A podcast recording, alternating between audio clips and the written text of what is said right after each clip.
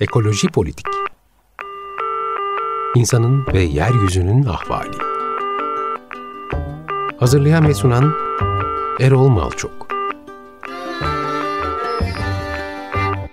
Merhaba sevgili Açık Radyo dinleyicileri. Bir Ekoloji Politik'te yine birlikteyiz. E, bugünkü konuğum Birsen Civelek, psikolog. Birsen hoş geldin.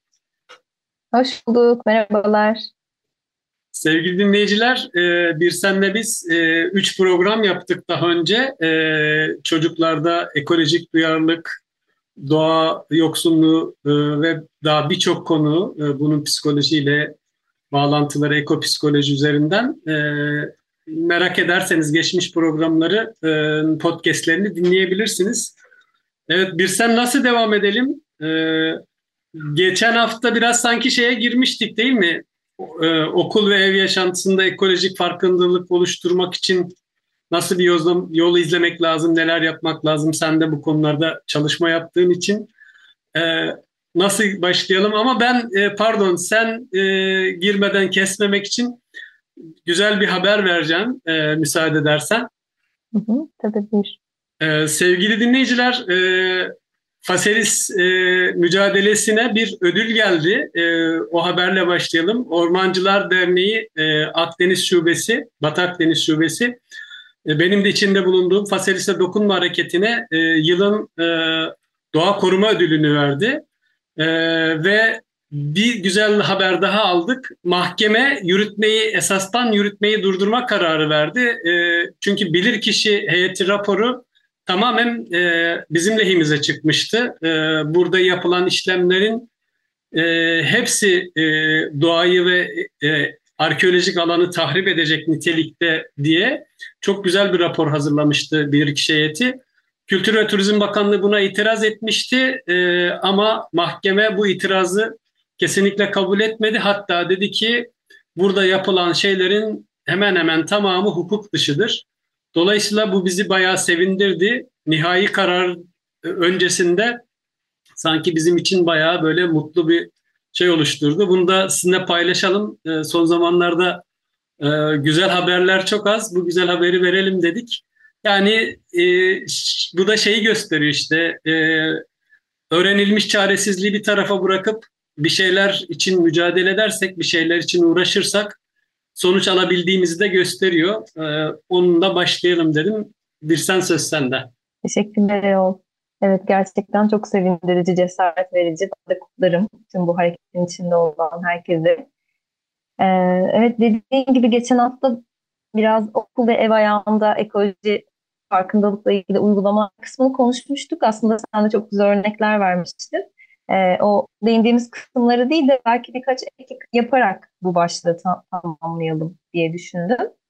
E, nelerden bahsetmiştik? En son takas şenliklerinden değil mi? Evet, evet. İkinci el pazarlardan bahsetmiştik. Antalya'daki e, buluşmaları örnek vermişti. Onun dışında da e, ev içinde çocuklarla neler yapılabilir? İşte mahallelerde daha büyük çapta doğayla bağlantı ile ilgili neler yapılabilir? Bunları konuşmuştuk. Ee, bunlara ek olarak ben bu hafta biraz yayınlardan da bahsetmek istiyorum aslında. Hı hı. Ee, bazı hem yayınlardan hem de oluşumlardan bahsetmek istiyorum. BOM Derneği'nin, belki BOM Derneği'ni bilen bilmeyenler için birazcık e, bahsedeyim. Benim de ilk mesleğe başladığım yıl, bir buçuk yıl kadar çalıştığım alternatif bir okul vardı. Başka bir okul mümkün derneğine bağlı Meraklı İlkokulu Ankara'da. E, bu alternatif okulun ilkelerinden bir tanesi de ekolojik duruştu.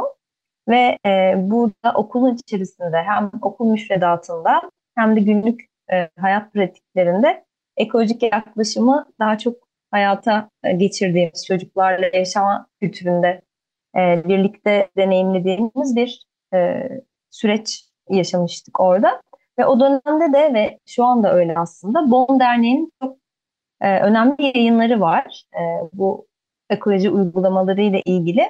Belki bu derneğe de ulaşarak onun web sitesinden e, bu uygulamalara dair de güzel örneklere ulaşabilirler bu yayını dinleyenler. Onun dışında Doğa Derneği'nin, Buğday Derneği'nin çok güzel e, çalışmaları ve yayınları oluyor. Örneğin Buğday Derneği'nin bir takvimi var, aylık takvim. E, aylık yiyecek, mevsimlik yiyecek meyvelerin e, duyurdukları bir takvim. O, onu da takip edebilirler. E, aynı zamanda da yani birkaç böyle kitap ve film önerisinde de bulunmak istedim. Bu ekolojik farkındalığı desteklemek adına. E, bugün seçtiğim şarkı Miyazaki'nin e, film müziklerinden aslında seçtiğim müzik. E, Miyazaki'nin filmlerinde de bol bol bu doğa çocuk bağlantısını görüyoruz aslında. Çok önemli bir çizer gerçekten. E, çocuklarla Miyazaki'nin tüm filmlerini izlemeyi aslında öneririm bu bağlamda. Ben de Onun oğlumla beraber e, çoğu filmini e, en az üçer defa falan izledik herhalde. Evet çok keyifli. Hem çok yetişkinler güzel. hem çocuklar için e, gerçekten çok önemli e, eserler. E, onun dışında da Doğadaki Son Çocuk kitabından bahsetmiştik zaten. E, onu bir tekrar paylaşmak isterim.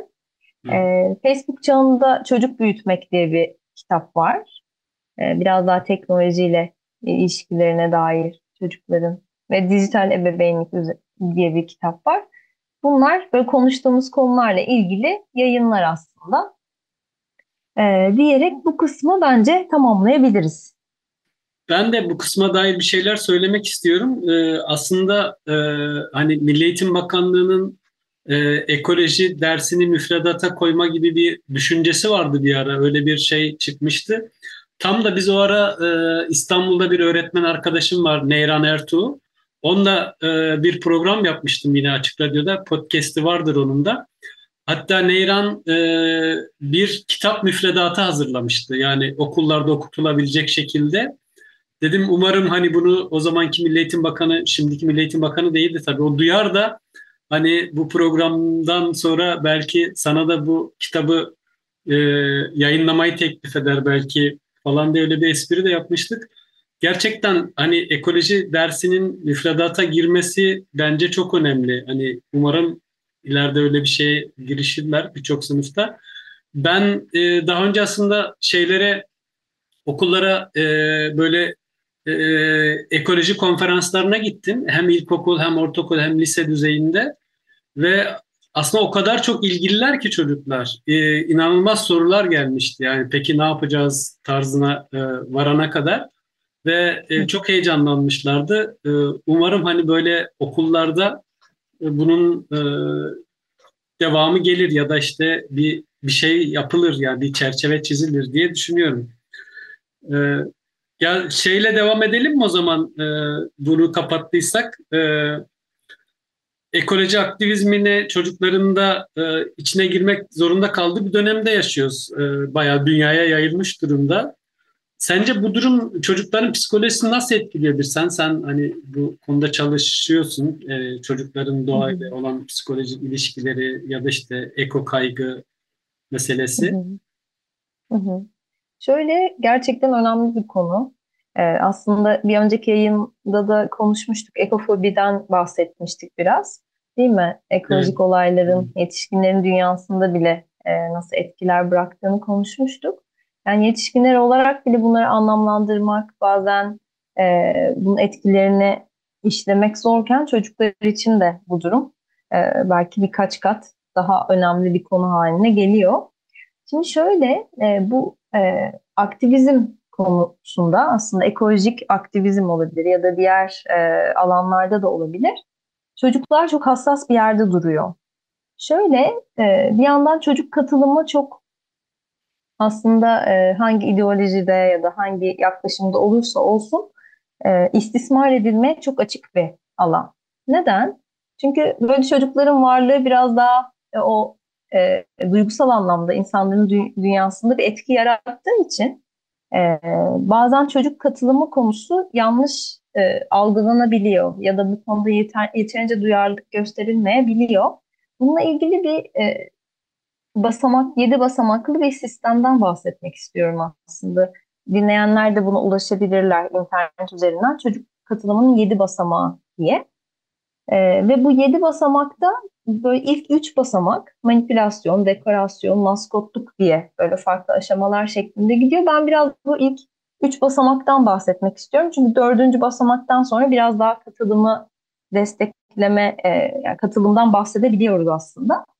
Ama ilk basamakta manipülasyon var. Yani Böyle çocuğu sadece mesela e, bu e, eylemin içerisinde resmini koymak, işte onu görünür kılmak gibi oluyor. İşte dekorasyonda e, belki bir görev veriyorsun ama hani onun ne yaptığından haberi yok gibi gibi.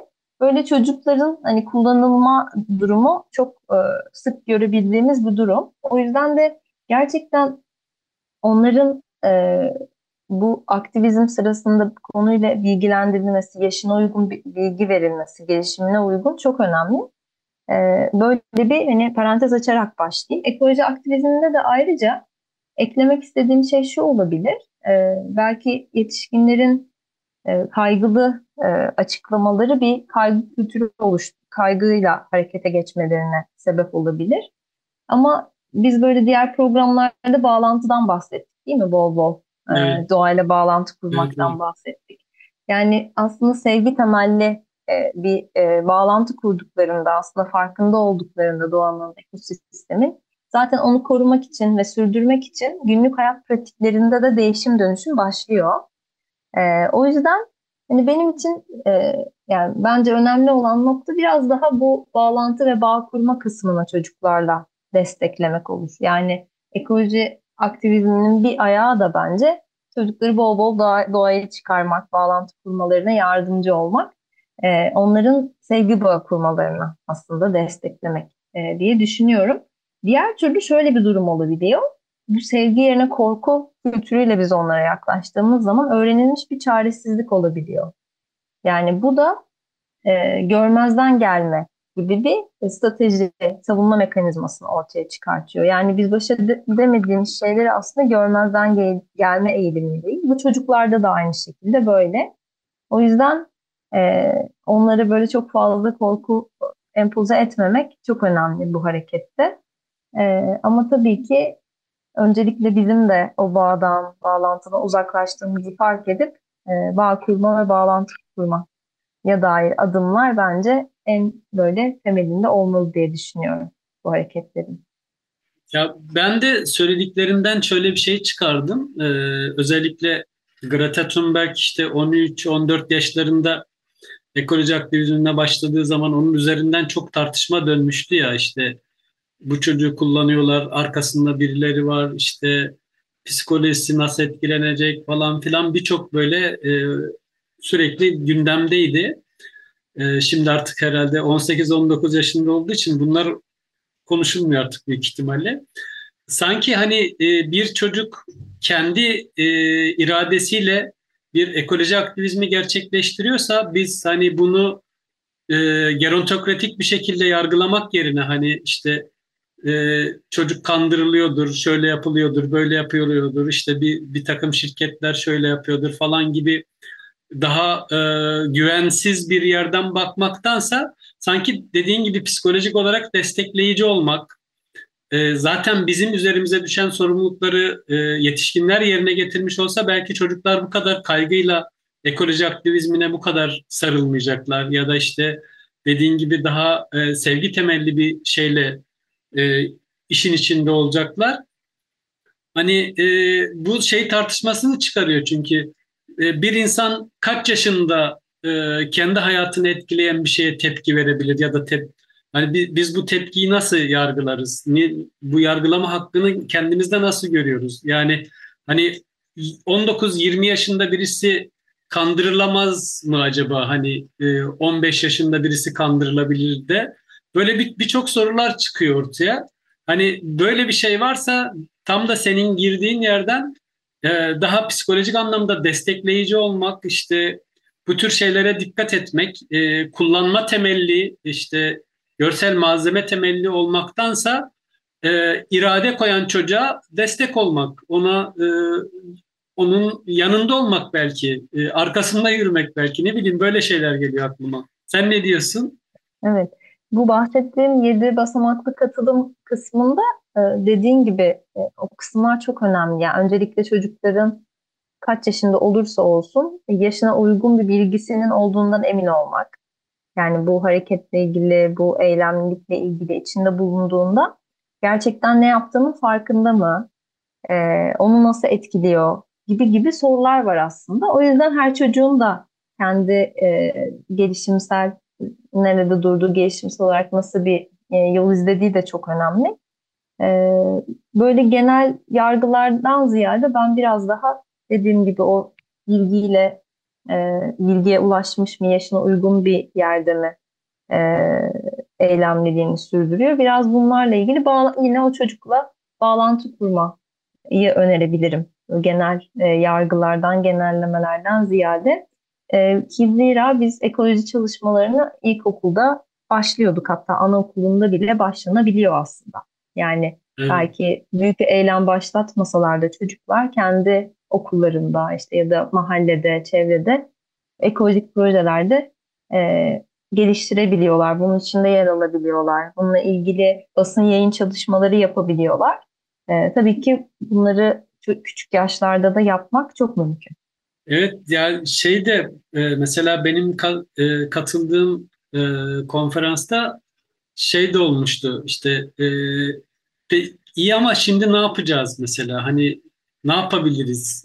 İşte bizim elimizden ne gelir? Hani bu, bu soruyu sormuşsa zaten aslında hani orada tabii ben şunu yapın, şöyle yapın diyemem. Gerçekten de dememem gerekiyor. Hani o çocuğun orada ne yapacağını aslında e, kendi dediğin gibi kendi araştırmalarıyla buluyor olması lazım. Hani yayın okuyarak işte ne bileyim e, kaliteli e, belgeseller ya da işte buna benzer şeyleri işte e, inanılmaz bir eko anksiyete yaratmayacak şekilde e, hazırlanmış belki bu konuda dikkat edilmiş e, yayınları, e, görselleri izleyerek belki işte kendisi bir birikim sağlayarak ne yapacağını da kendisi belirleyecek. Hani nasıl biz e, bütün topluluklarda ya da bireyin hareket ederken hani doğrudan demokratik bir şekilde hareket etmesi, kendi hayatının sorumluluğunu alması açısından davranıyoruz ya hani biz orada yol gösterici gibi işte sen şunu yap, böyle yaparsan daha iyi olur, şöyle yap dediğin zaman dedi,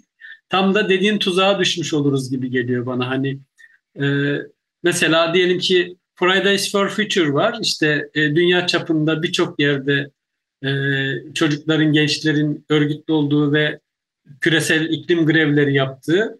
Hani diyelim ki bunun Antalya ayağı yok. Antalya ayağını eğer çocuklar ve gençler oluşturmuyorsa yani bizim bunu oluşturmaya çalışmamız biraz bana şey kaçıyor böyle hani e, karikatür e, bir e, şey gibi geliyor. İşte orada hani hadi çocuklarımızı alıp gidelim e, bunu yaratalım gibi bir şey olmaması lazım diye düşünüyorum. Bilemiyorum yani çünkü dediğin gibi e, orada çocuğa biz onu yüklemiş oluyoruz işte. Diyor, diyoruz ki bak e, ekolojik tahribat hat safhada senin harekete geçmen lazım.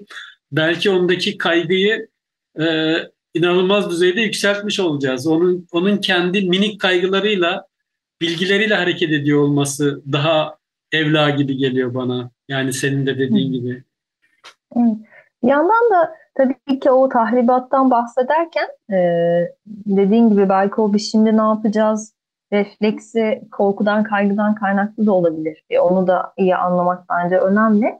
Bu anlamda da ilham verici öyküleri paylaşmak bence yani bunu yap, demek gibi değil ama e, ne yapılabileceğine dair çok yol ve yön gösterici de olabiliyor. E, çünkü bu durum biraz yeni yani hem gençler için hem aslında bizim için de. Ve biraz böyle çaba ve e, ilham kaynağı olan e, olayları, durumları görmeyi e, ihtiyaç duyabiliyoruz. Bence gençler, çocuklar da duyuyor olabilir. O yüzden tabii ki de böyle böyle minik yol göstermeler, ilham verici hikayelerle ilgili destekleyici durumlar evet. sunulabilir. Ama bunun da dışında bol bol e, bağlantı kurması aslında çok önemli. Hep konuştuğumuz gibi. Yani biraz daha anlamak, e, bu sistemi e, öğrenmek ve kendi günlük pratiklerindeki o etkisini de e, fark etmek. Fark evet. etmesine belki yardımcı olmak. Evet evet ya ben de işte Greta'nın hikayesini anlatmıştım. Ee, görselli bir sunumdu. Bir de e, büyük bir e, şey e, tahrip olmuş bir yeri canlandıran bir çiftin hikayesi vardı. Şimdi isimleri aklıma gelmedi, gelmedi ama onların sırf iki kişinin çabasıyla bir büyük bir alan nasıl tekrar canlandırılıyor falan onların görselleriyle anlatmıştım. Herhalde onlar ilham olmuştur diye düşünüyorum. Ee, evet, olmuştur eminim. Ellerine emeklerine sağlık. Eyvallah senin de. Ee, ya aslında süremizin sonuna geliyoruz ama benim merak ettiğim bir şey var. Mesela sen e, sana böyle eko anksiyeteyle terapiye gelen hiç çocuk oldu mu? Ee, doğrudan o şekilde gelmiyor. Gel, gelen olmadı açıkçası ama hı hı. yaptığımız kamplarda e, işte fobisi olan çocuklar geldi. Aha. Mesela işte hiç hani örümcek fobisi olan, yılan fobisi olan, hani belki hiç karşılaşmamış ama onu görme ihtimalinden korkan çocuklar oldu kamplarda.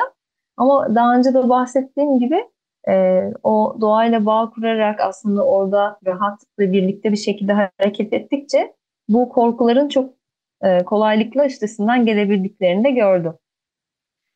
Şimdi tabii bunlar e, şöyle olmadığı için günlük hayatı doğrudan etkilemediği için çoğu zaman örümcek ya da yılan fobisi zaten hani şehirde yaşıyorsa çocuk ailesi çok da bunu ön planda tutmayabiliyor ama bir doğa etkinliği yaptığımızda e, o zaman aklına geliyor ebeveynin. Aa, aslında bu canlıyla karşılaşabilme ihtimalimiz var diyorlar ve o zaman daha e, görünür oluyor doğayla ilgili e, var bazı fobi, fobik durumlar.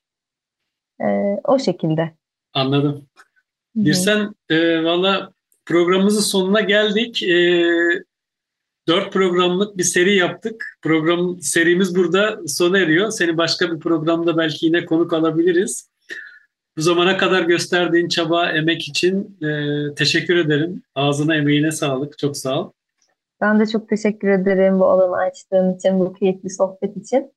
E, umarım böyle dinleyicilerin böyle kalbinde, zihninde e, önemli noktaları değinmişizdir. Böyle minik değişimlere vesile olur bu e, konuşmalar, bu podcastler. Çok teşekkür ederim ben de. Eyvallah. Ee, sevgili dinleyiciler, bir senin seçtiği bir parçayla veda ediyoruz. Ee, Hayao Miyazaki'den bahsettik ya, onun Hall'un Yürüyen Şatosu'nun film müziğini e, size dinleteceğiz. İki hafta sonra görüşünceye dek hoşçakalın.